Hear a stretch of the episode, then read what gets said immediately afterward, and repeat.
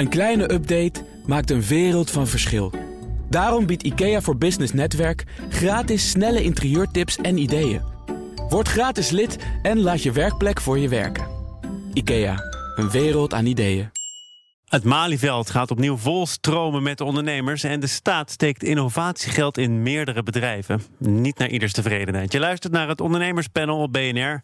In BNR Zaken doen daarin bespreken we het belangrijkste nieuws voor ondernemers samen met eh, Johan van Meel van Peak Capital en Marlies Dekkers, mijn zakenpartner, ondernemer, lingerieontwerper. En in een van die vele files, het zijn er 44, staat Juri van Alteren, eigenaar van Duurzaam Bedrijfsleven. Wellicht sluit hij nog later aan. Johan, Fijn dat jij er eh, nu al bent. Tuurlijk. Wat is jouw nieuws? Ik ben op de fiets, dus uh, weinig last van files gelukkig. Nou, kan je wel flink tegenwind hebben vandaag. Mijn nieuws is met name, ja dat was wat trouwens zo. Over tegenwind gesproken. Uh, WeWork had ook wel tegenwind. Zo. En dat is wel, ja, dat is eigenlijk mijn nieuws. Dat, dat een bedrijf, zeg maar, wat zo snel gegroeid is, wat echt een enorme hype is geweest, toch wel zo hard onderuit gaat. En uh, ik vind met name belangrijk om in dat licht. Je ziet natuurlijk dat er enorm veel kapitaal in de markt is. We gaan het daar dadelijk ook nog over hebben. Maar dat er. Uh, en dat het kapitaal leidt eigenlijk tot, tot, ja, tot het laten groeien van bedrijven. Maar ook tot het in stand houden van bedrijven die eigenlijk gewoon best wel wezenlijk ongezond krijgen, zijn. Want als je kijkt naar het model van WeWork, dan verhuren ze natuurlijk voor lange termijn huren ze natuurlijk panden aan. En die gaan ze op korte termijn gaan ze huren. Wij waren tot een paar maanden geleden zelf ook huren van WeWork. Oh. En dan heb je eigenlijk, het is best wel een raar model. Hè? Je gaat hele lange termijn een verplichting aan. En korte termijn moet je daar eigenlijk geld verdienen. Dus als de markt dan onderuit zakt, dan heb je een probleem. En dat zag je eigenlijk ook wel in de. In de ja, ontwikkeling van de beursgang van WeWork, die natuurlijk uh, laatste week toch wat uh, dramatische gevolgen had, tot zelfs de overname van het bedrijf door een van de investeerders. Ja, maar en, hij is er volgens mij vrij goed uitgesprongen. Ja, met 1,7 miljard euro exitvergoeding uh, is dus het wordt niet afgestraft. Zeg maar. Hij is de excentrieke CEO. Ja, ja. want, want hij hoeft ook nooit meer te werken. Maar ik denk dat, dat als hij nog een keertje ergens aan de slag moet, dat er ook veel bedrijven zullen zijn van, misschien niet met jou. Nou, dat is, dat, is, dat is jouw Nederlandse beperkende denken, Thomas. Sorry. Ik denk dat als je kijkt in de Amerikaanse markt en, en kijkt hoe CEO's daar worden geboren en worden geselecteerd, dan, dan is eigenlijk het prototype van succesvolle investeerders. Dat zag je natuurlijk ook met, uh, met Uber, met Travis, ja. die daar zat. En ik denk dat deze man uh, wel echt wel enorm wat voor elkaar heeft gekregen. Kijk, ik vind het bizarre, vind ik eigenlijk dat het laat zien dat het Europese investeringslandschap, waar wij als Peak Capital natuurlijk in Europa zitten en Amerika echt wel een totaal andere markt is, die laat zien dat het echt wel, dat die werelden wel van elkaar zich gaan scheiden. Want de Amerikanen die zijn echt van heel veel geld ergens inpompen. Ook in best wel bedrijven die niet heel erg gezond zijn. En alleen maar die waardering laten stijgen om uiteindelijk tot die IPO te komen. En jij zegt dat je erdoor verbaasd bent. Tegelijkertijd zeg je, het was een hype. En je weet toch dat een hype op een bepaald moment weer voorbij is. En dat je kunt afvragen, WeWork, is dat nou vooral vastgoed of is het een techbedrijf? Weer die discussie. hè? En het is volgens mij gewaardeerd als een techbedrijf. techbedrijf. iets heel bijzonders. Ja. En als je het dan gaat ontleden, dan blijft er niet zo heel veel over. Ja, maar ook de waarheid die jij nu bekijkt achteraf. Hè? Dus je hebt een waarheid vooraf, en mhm. terwijl het loopt. En dan heb je weer een waarheid achteraf. En dat is natuurlijk de functie van jullie als journalist. Je vindt mijn waarheid wat uh, Ja, vind ik ook typisch jou. Weet je, dat is de functie van een journalist. Nou, dat is altijd zo. ja, dat, dat, dat, had je toch al, dat had je toch kunnen weten. Dat had je toch kunnen weten. ja, oh, als je alles weet. Maar op het moment de ondernemer moet altijd iets bedenken wat er nog niet is. Hè? En vergezichten zien. En daar heeft nee, maar een dus investeerder moet kijken. Investeer ik in een vastgoedbedrijf of investeer ik in een techbedrijf? We hadden het hier net over Deliveroo. Is dat een techbedrijf? Is het een maaltijdbezorger? Jij kwam tot het oordeel, het is wel degelijk een techbedrijf. Mm er zullen andere mensen zijn die zeggen: nee, het is vooral allemaal altijd bezorgd. Ja, maar die hybride vorm is ook, uh, kan heel snel groeien. Dus is voor investeerders ook heel interessant. Want ze kunnen daardoor een hele mooie exit doen. Dus het is, momenteel is dat woord, en vooral zeg maar in Amerika, is ja, dan gaat die multiplier gelijk keren hè, 20 in plaats van keer 10 of zo. Dus dat is voor alle investeerders. Oh, tech, hoe, dan moeten we heen. Allemaal stijf piemeltje. Weet je wel, dus dat is gelijk een andere manier van kijken. Ja, maar het is ook heel riskant is ook riskant, maar dat weet je, dat is ondernemen en dat is investeren. Alleen wat je dus ziet, en ik denk dat dat het opvallende is, is dat die Amerikaanse markt, daar is echt zoveel kapitaal. Ik ben daar zelf ook regelmatig en dan zie je dus ook jonge bedrijven die, die redelijk jong zijn, ook in het vinden van een markt en een product market fit, zoals we dat investeerders uh, noemen. Zijn ze eigenlijk gewoon nog helemaal niet ontwikkeld. En er gaat zoveel kapitaal en er worden heel veel mensen aangenomen, worden allemaal dure kantoren geopend, et cetera. Zonder dat er echt bewijs is. En zolang die kapitaalmarkt zichzelf maar in stand blijft houden, dat die rente laag is en er maar nieuw kapitaal in blijft stoppen, zodat voor, voor, die, voor die volgende ronde iedere keer een hoge waardering is, blijft dat in stand houden. Je ziet nu echt wel in die IPO-markt, kijk naar alle beursgangen, met name alle tech-beursgangen van afgelopen tijd, die zijn allemaal niet succesvol geweest. Dus nee, er is een nieuwe correctie. Er is echt een correctie gaan. Wat zijn voor jou dan, jij bent investeerder, wat zijn voor jou rode vlaggen? Nou, rode vlaggen is bijvoorbeeld dat je gaat schalen met een bedrijf zonder dat je de fundering van het bedrijf goed hebt gelegd. En de fundering van een bedrijf begint met name bij het team. De ondernemer bepaalt in een vroege fase het succes. En dat begint, begint ook bij je zogenaamde unit economics. Dus hoeveel, kosten, kost, hoeveel geld kost je om een klant binnen te houden en te servicen? En hoeveel geld levert hij op? En als daar een goede verhouding in zit, dan is je bedrijf eigenlijk intrinsiek winstgevend. En alle geld wat je aan marketing uitgeeft, dat zorgt ervoor dat je verlies leidt, maar dat je wel gewoon zonder al te veel inspanningen winstgevend kan zijn. Je en je ziet- ziet Amerikaanse bedrijven, die echt in die slag, maakt eigenlijk de unit economics maken niet heel veel uit. Dus je ziet dat heel veel even ongezonde bedrijven, neem WeWork, daardoor gefund worden. Ja, maar er is nu ook veel meer kennis al bij investeerders over techbedrijven. Dat was natuurlijk ook zo tien jaar geleden. Ja, ze moesten het aan hun kinderen vragen: wat betekent dit nou eigenlijk? Weet Ja, je wel? toen- ze hadden helemaal geen idee waar, waar, waar hebben het over. Het klonk vooral heel aantrekkelijk. Mhm. En jij ziet nu dus, terwijl je niet eh, in een techbedrijf zelf werkt, maar je snapt wel welke vragen moet ik stellen, waar moet ik naar kijken, ook moet afronden. Nou, omdat wij het in dit panel heel vaak hebben over nieuws. Maar soms dan ben je in het nieuws. En in jouw Ik geval was je het eh, deze week. Ja, we hebben daar geen tijd meer voor. Ik heb het toch liever goed. over jou. Prima, gaan we Met doen. jou over jou. Eh, en dat doe ik omdat er in het FD afgelopen week een groot artikel stond over een overheidsfonds. Een zogeheten Fonds der Fondsen. DVI, als ik het helemaal in het Engels zou moeten zeggen. Het gaat om een fonds eh, dat is opgericht, ingesteld door de overheid. En de overheid heeft tegen bepaalde investeringsmaatschappijen gezegd: in innovatieve bedrijven mogen jullie met voor een deel belastinggeld investeren. En een van die bedrijven, de gelukkige, zoals het FD dat eh, typeerde, dat was jouw bedrijf. Innovatief genoeg om in aanmerking te komen. In het FD kwamen vervolgens deskundigen, economen aan het woord. Die zeiden: Marlies Dekkers, Samen met onder andere Jopenbier, innovatief. Waarom? Waarom is daar überhaupt belastinggeld voor nodig? Snap jij die kritiek? Ja, nou, ik wil eerst een paar, eh, een paar piketpaaltjes slaan hoor. Ten eerste is dit natuurlijk zes jaar geleden. Dus de FD-redactie dacht, wat moeten we nu, waar moeten we het nu over hebben? Laten we eens iets pakken van zes jaar geleden. Dus dat is in ieder geval één ding. Daarnaast investeert de overheid in, eh, ehm, in bedrijven. Dus dat doet de overheid altijd. Dat doet de overheid deels voor eh, de banen te stimuleren... en aan de andere kant om gewoon geld eraan te verdienen. Dus het is ook gewoon, dit is een investering en dit is geen subsidie. Dus als je ziet hoe dit artikel overal is overgenomen, dan lijkt heel veel denken: oh, subsidie. Nee, het is een investering. Nou, dan is deze, dit fonds, die heeft daar dan een soort eh, paaltjes er weer iets aan gehangen. Van wat vinden we dan waar het aan moet voldoen? En dan is dit innovatief bijvoorbeeld, is een van de dingen. Nou, je moet een beetje vergelijken als pensioenfondsen. En je gaat uitzoeken waar investeert een pensioenfonds in. En je gaat er één bedrijf uithalen. Dan ga je ook zeggen, gaat daar ons pensioengeld heen? Hè? Dus het is heel erg story-privé-achtige manier Zo- van zo benaderen. doen ze dat bij het FD, onze collega's. Dus Mag ik daar is- nog even dus iets, Het is eh, ontzettende gossip Maar mag ik ook wat manier eh, van kijken slaan dan? Maar goed, we, eh, we hoeven kom daar maar geen door. ruzie over te krijgen hoor. Nee, volgens mij heeft het FD geprobeerd om zoveel mogelijk bedrijven te achterhalen. Dat is voor een deel gelukt, Ja, voor een ander er deel ook niet. 250 zo, iets Precies. minder. Nou, en dan zullen er ongetwijfeld bedrijven zijn die het stempel zeer innovatief kunnen dragen. En andere bedrijven waarvan je dat kunt afvragen.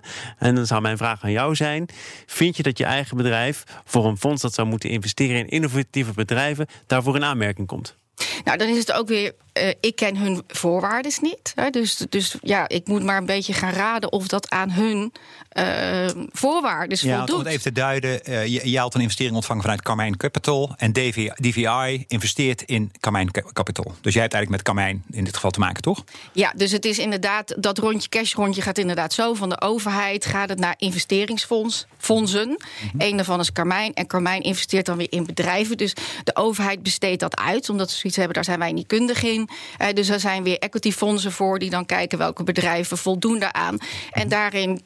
Maar besluiten zo'n- equityfondsen dan van ja, ik vind dat die eraan Ja, voldoen. daarna wordt het, genoeg? wacht even, daarna wordt het teruggekoppeld hè, aan dat fonds en het wordt gecheckt. Nou, Ja. en dit is dus, nu ga je er één en dan moeten we heel Nederland moet zich afvragen: vinden we dit innovatie? Ik kan het niet beoordelen, want het is maar wat heb je ooit hè, onderling afgesproken? Nou, ik kan wel iets zeggen. Maar het is toch je eigen mezelf. bedrijf? Jij kunt Als toch wel zeggen of je het als innovatief jij, vindt of niet? ik kan er best iets over zeggen, maar dat is. Dat valt ook in de gossip-rubriek. hè. Maar goed, ik kan er best iets over zeggen. Kijk, in die tijd was het van... eh, heel veel bedrijven moesten van eh, offline naar online. Dus dat was toen innovatie. Heel veel bedrijven konden die turn niet maken zo snel. Nou, ik ben nu 50% offline, 50% offline, eh, online. Nou, als je het kijkt vanuit werkgelegenheid, maar ik weet helemaal niet of dat een pijler was van dit fonds. Ik ben doorgestart met 35 eh, personeelsleden. Nu werken er 114 mensen. Nou, vanuit werkgelegenheid Ja. is dit zeg maar dus een hele goede investering. Daarnaast is het bedrijf inmiddels best wel wat waard. Dus straks, als het een, een equity is, dan krijgt gewoon de regering dat geld weer terug met winst. Ja, ja. Daarnaast hebben we zeg maar rente betaald, best veel. En dus dat krijgt de regering ook weer terug. Dus ik zou zeggen, regering hartstikke goed bezig, want je hebt een bedrijf eh, de kans gekregen. Je krijgt eh, heel, goed, heel goed rendement Mhm. eh, op je geld. Carmijn heeft het perfect gedaan. Iedereen blij. Dus dat is Nou, ik heb nog één aanvulling ook. En dat is nu natuurlijk een discussie. We hebben mede met P Capital hebben we Fundride opgezet. Waarbij we eigenlijk als investeerders ons committeren om te investeren in vrouwelijke ondernemers. Ja, dit was hier geloof ik ook een van de, van de wensen. Ja, exact. ons. Want Ja. dat is natuurlijk ook wel iets wat de overheid. Ik bedoel, als je kijkt in onze sector, blijft natuurlijk het aantal vrouwelijke ondernemers fors achter bij het aantal mannelijke. Heeft allerlei oorzaken. Daarvoor hebben we een initiatief gestart wat Fundride heet. Daar zou dit ook perfect aan voldoen. Dus ik, ik denk vanuit die oogpunten innovatie. Ik, de, je, Ja, dus de die, andere- die valt daar geloof ik ook onder. Ja. Net als bij mijn management is 50%, 50% vrouw en man. Exact. Eh, daarnaast hebben we geloof ik op de, op, de, op de vloer zeg maar 85%. Dus wij voldoen aan al die eh, pijlers. Maar het is wel zo, door, di- door dit nieuws zo te doen, is ja, equityfondsen. Kijk, dit is hun veld, hè? Dus Business Nou, News ik Radio, eh, FD.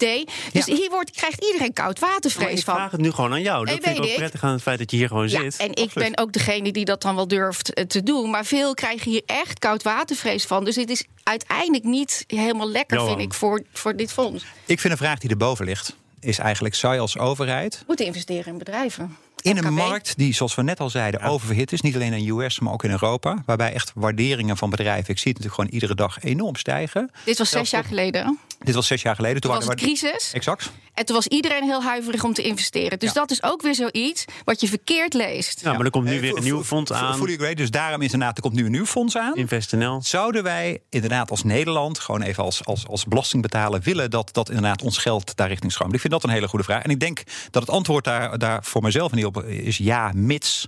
Kijk, als je ziet in sectoren waar echt kapitaal ontbreekt en die echt eh, gewoon bepalend zijn voor het succes van Nederland, voor het succes van het klim- klimaat, vrouwen, weet je wel, even als ondernemers. Ik vind voor dat soort sectoren mag je absoluut als overheid een leidende functie innemen. Altijd overigens uitgevoerd door fondsen, dus nooit door de overheid zelf. Precies. Dat is en ook dat bij is hier InvestNL ook overigens nog de vraag, hè, welke positie die Maar gaat innemen. InvestNL krijgt ook niet een heel open speelveld. Die zullen zich ook moeten richten op energietransitie met name. Begreep ik. Ja, dat, dat is voor, ik, ik heb er een beetje in proberen te verdiepen. Dat is voor mij nog helemaal onduidelijk eigenlijk hoe dat... Nou, maar, maar ik denk dat als een overheid zo'n positie inneemt... en inderdaad gaat investeren in bedrijven... dan zou het met name moeten doen in sectoren... en eigenlijk in, in bedrijven waar echt behoefte is. En ik denk over het algemeen, Marlies, de- zes jaar later... jij kent denk ik het investeringslandschap ook... er zijn heel veel investeringsfondsen bijgekomen. Wij hebben net ons, ons vierde fonds gelanceerd. Dat hebben we in redelijk korte tijd opgehaald. Maar er zijn heel veel fondsen met ons nu geld aan het ophalen. Dus dat landschap gaat alleen maar groeien. Dus is de overheid nodig? Eén vraag nog. Want jij zit hier nu.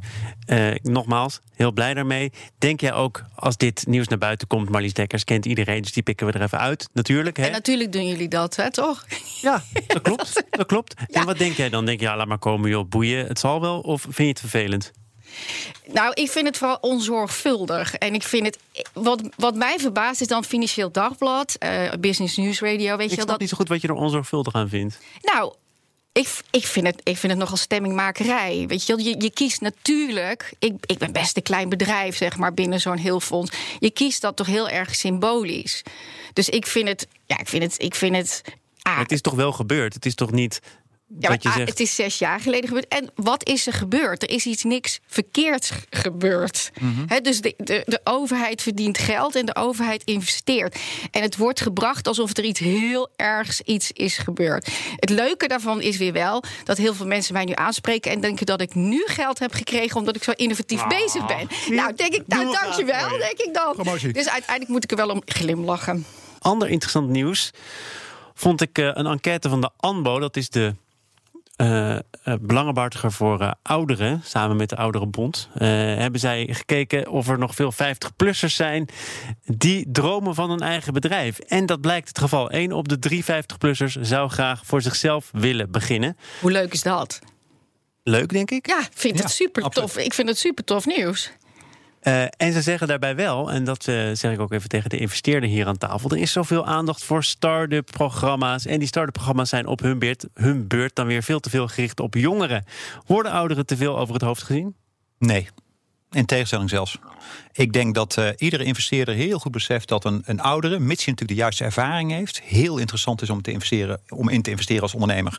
Want ik denk als ouder heb je gewoon, neem je gewoon een brak en een brok aan ervaring mee. Vaak neem ik branchekennis mee, wat relevant is voor het bedrijf wat je opzet. Dus zelf, Peak Capital, ik weet als, als een ondernemer is, zeg maar even van in de 50, die komt bij ons uh, niet onderaan het bakje te liggen, maar bovenaan het bakje te liggen. Ik denk wel dat het beeld wat je in de media ziet van start-up ondernemers, jonge hippe start-up ondernemers. Ja, dat zijn inderdaad vaak die, oh, die de media komen er niet goed af. Nee, dat zijn ze weer. Goed. Die, dat, dat zijn vaak mensen van uh, gewoon jongens en meisjes van 25 jaar. Maar uh, absoluut, wij zijn, uh, we hebben een aantal bedrijven in onze portefeuille zitten van ondernemers van ouder dan 50 en praten er met heel veel. Ja, maar ook dat is een beetje gecorrigeerd. Hè? Dus de zitzakken en de tafelvoetbal en zo, weet je wel. En dat dat allemaal de nieuwe punk is. Mm -hmm. Dus ik vind ook wel, we zijn nu in een volgende fase. De start-ups met wat meer senioriteit. Zou ik als investeerder ook denken. Dat, dat, ja, dat, dat, hè, meer wijsheid. En mijn stokpaardje, gezondheid. Het is natuurlijk ook, de vijftigers komen nu behoorlijk gezond aan. Hè? Dus die hebben ook echt nog gewoon een totally second life. Dus ja, 120, dat we 120 jaar worden, is, zit er best in. Als je een beetje goed geleefd hebt. Mm -hmm. nou, dan heb je gewoon nog heel veel tijd om nog iets heel gaafs neer te zetten. Een 18-jarige jongen te pitchen ja. met zijn eigen start-up. En jij hebt luid geapplaudiseerd en daarna in katzwijm toegekeken. ja. Dus dat heeft dan ook wel weer wat. Ja, maar hoe leuk is het? Inclusiviteit hè, is het woord. Dus inclusief op allerlei manieren. Dus inclusief is 18 jaar, maar dus ook 50-plussers. Is er zoiets als een, een, ideale leeftijd?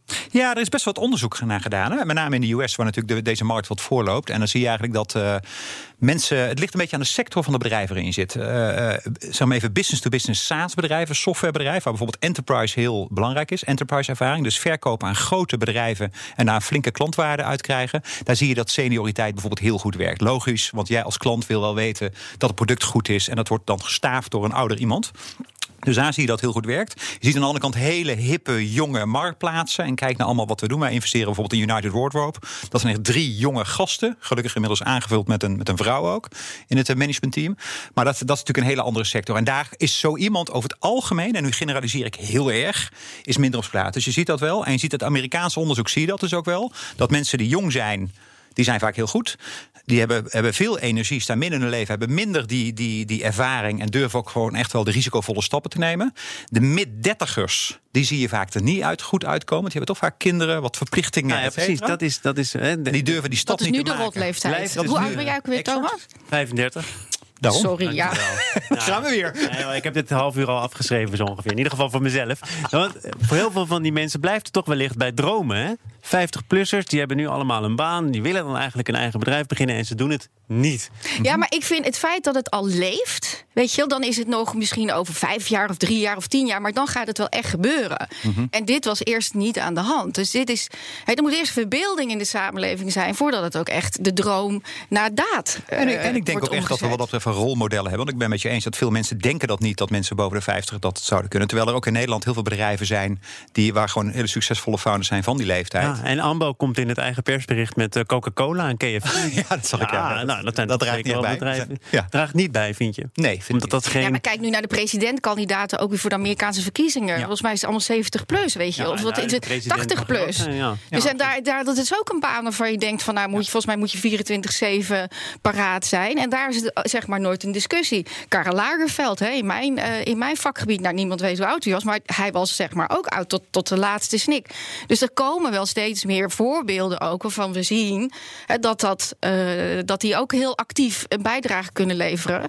Eh, en ook qua innovatie en nieuwe ideeën. En dat dat niet alleen maar uit jonge mensen hoeft te komen. En ik vind het heel leuk dat jullie als equitybedrijf daar dan dus ook open voor staan. Tuurlijk, ja. Het gaat om uh, verbeelding in de samenleving, in de maatschappij. Iets waar veel mensen uh, weinig verbeelding meer voor nodig hebben, is het feit dat er een nieuwe recessie op ons af zou komen vanwege impasses over stikstof, over PFAS. Demonstraties, protest op het Malieveld. De Dam is ook alweer genoemd. Johan, er zijn grote uh, werkgeversorganisaties, MKB Nederland, VNO-NCW, die zeggen ja, we roepen het over onszelf af. Snap jij dat zij dat gevoel inmiddels hebben? Ik kan me iets voorstellen. Zeker als ik in die branche zou zitten en ik zou zien dat al die bouwprojecten uh, stilgelegd worden.